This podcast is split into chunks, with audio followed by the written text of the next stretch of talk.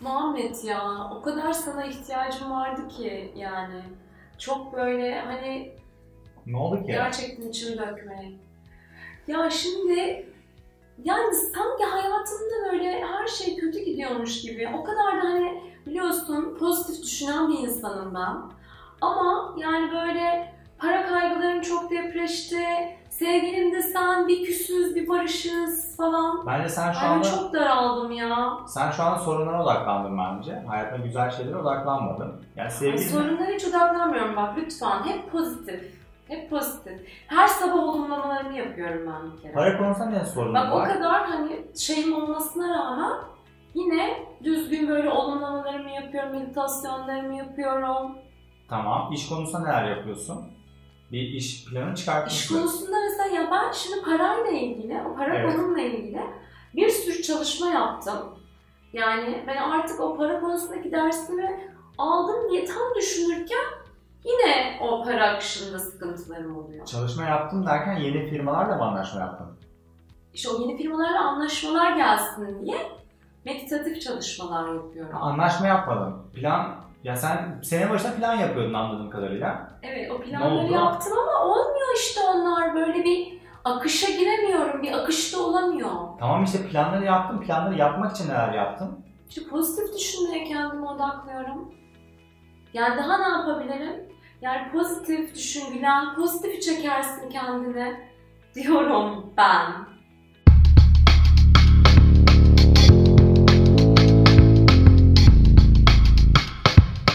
Merhaba ben Gülen. Olumlu düşün, olumlu olsun videosuyla karşınızdayım efendim. Şimdi hayatta her şey istediğimiz gibi gitmiyor birçok zaman değil mi? Sevgilimizle yeterince böyle mutlu olamadığımızı düşünüyoruz ya da hiç sevgilimiz olmuyor. İşimiz olmuyor ya da mevcut işimizden, o işin koşullarından, onun getirdiği paradan mutlu olmuyoruz.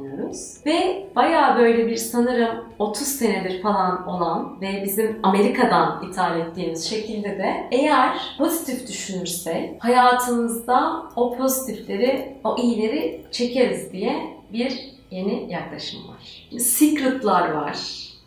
İşte istediğin hayatı yaratırsın, istediğin ilişkiyi yaratırsın gibi kafalar var. Bunlar külliyen yanlış mı? Kesinlikle değil. Biz gerçekten hayatımızla ilgili hayal etmeliyiz ve o hayalleri de sonra gerçekleştirmeliyiz. Ben hem bireysel çalışmalarımda hem de grup çalışmalarında buna yönelik birçok egzersiz de yaptırıyorum. Ama bu videoda bundan bahsetmeyeceğim. Bizim acıdan kaçmak için hangi tuzaklara düşüyoruz? Ve o tuzaklara düştükçe hayatımızı aslında daha olumlu değil, nasıl daha olumsuzlaştırıyoruz ondan bahsetmek istiyorum. Şimdi bizim zihnimizde yarattığımız beklentilerimiz var. İlişkimizin böyle olması, paranın şöyle olması gibi. Ve habire o kafamızda yarattığımız o ideal beklentilerle mevcut hayatımızı karşılaştırıp neden olmuyor? Ben buradaki dersimi hala veremedim mi? O kadar eğitime gittim, o kadar çalışma yaptım. Neden olmuyor diye kendimizi suçlamaya, bazen de katıldığımız o eğitimdeki eğitmeni suçlamaya falan giriyoruz. Ve bütün aslında odağımızı, enerjimizi o ideal durum ve benim şu anki durum arasındaki karşılaştırmaya harcıyoruz. Şimdi bunu yaptığımda da ne oluyor biliyor musunuz? Hani ben olumlu, güzel hayaller kuracaktım. O hayaller gerçekleşecekten çıkıyorum. O hayal niye olmadı? Dersimi çalıştım da olmadı, şundan olmadı, bundan olmadılara gittiğimde o olumlu düşün, olumlu olsun kafası, olumlu düşündüm olmadı şeklinde bir olumsuzluğa dönüyor. Bir yandan da şunu biliyoruz, işte insan olmanın herhalde bir parçası bu olumsuzluklardan sürekli böyle kaçınmaya çalışmak. İşte ya direkt koşarak kaçacağız ya hayır hayır olmaz diye böyle bir savunmalara gireceğiz ya da acıdan kendimizi uyuşturmak için kendimizi işsizleştireceğiz. Evet bu doğal. Öte yandan durum için bir takım yapabileceğimiz şeyler var. Biraz benimle onlardan bahsedelim istiyorum ben bu videoda. Şimdi bir şunu yazacağım. Acı hayatın bir parçasıdır. Yani positive vibes only dediğimizde reddettiğimiz acı aslında hayatta sürekli her an karşımıza çıkabilecek bir şey.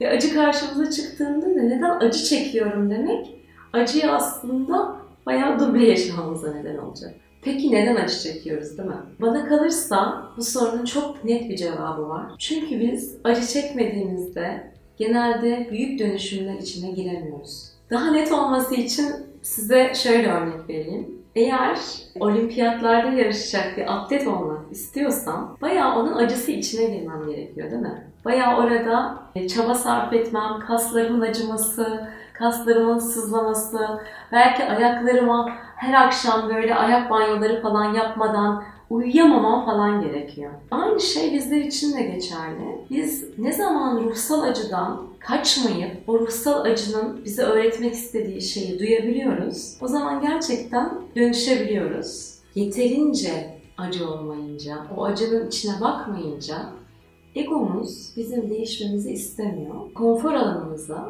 ve mevcut kimliğimizi korumamızı istiyor. O yüzden ikinci olarak da acı bizi dönüştür yazacağım. Bir iş yerinde çok acı çekeriz, ruhsal acı. O ruhsal acı bizi konfor alanımızdan çıkıp başka bir işe, hatta başka bir kariyere girmemize vesile olur. Bir ilişkide çok acı çekeriz, ondan sonra ayrılırız ve başka bir ilişkide bambaşka şeyler yaşayabiliriz. Ama acının bizi dönüştürmesindeki kilit nokta, acının içinde kendimizi kaybetmek, acının acısından iyice böyle zevk alıp kendimizi arabesk bir şekilde acıya teslim etmek değil acıya gözlemci kalabildiğimizde, acının bize ne öğreteceğini anlamaya odaklandığımızda acıyı dönüştürmek, acıyı değiştirmek yerine o zaman gerçekten acı bizi dönüştürüyor. Ama ne zaman acıdan kaçayım, bir an önce bu acı geçsin de oluyor odamız. O zaman acının bize öğreteceği şeyleri duyamıyoruz, dinleyemiyoruz. Acı bizi dönüştürmüyor. Aynı acılı ilişkiyi başka insanlarla yaşamaya devam ediyoruz. Ya da bir şirketten ayrılıyoruz acıdan kaçınmak için. Ondan sonra aynı tip ilişkilerle hatta belki daha kötüsüyle başka bir iş yerinde daha karşılaşıyoruz. Yani ben gözlemci kalıyorum. Bunu değiştirmek yerine. Bana burada ne oluyor? Benim burada neyi öğrenmeye ihtiyacım var? Hangi parçamın artık bırakılmaya, hangi parçamın büyümeye ihtiyacı var? Bunlara bakabildiğimde gerçekten o acı dönüşüyor başka şeylere. Ama bu şu demek değil. Başka acılar gelecek. İrili, ufaklı, küçüklü, büyüklü. Çünkü hayat sürekli değişecek. Ama şunu söylemek istiyorum. Acı çektiğimizde bile ona gözlemci olarak bakabildiğimizde o gerçekten çok ruhsal, çok spiritüel bir deneyim. O sıradan bir acı çekme deneyimiyle alakası olmayan bir deneyim. Acı çekiyorum ama o acıya yukarıdan şefkatle bakıyorum. O gerçekten insanı çok büyüten bir deneyim. Bunu çok anlatamıyorum ama çoğunuzun bir şekilde yaşadığını tahmin ediyorum. Bu ancak herhalde yaşanabilen sözlere, kelimelere dökülemeyen bir şey. Ve son olarak şunu söylemek istiyorum. Bizim odamızda şey var ya, işte pozitif olsun her şey. Bunun yerine ürettiğine odaklı. Hayatımda her şey pozitif olsun kafası biraz narsistik tarafımızın aslında kafası. Yani daha çok benim param olmalıydı. Benim daha iyi bir ilişkim olmalıydı.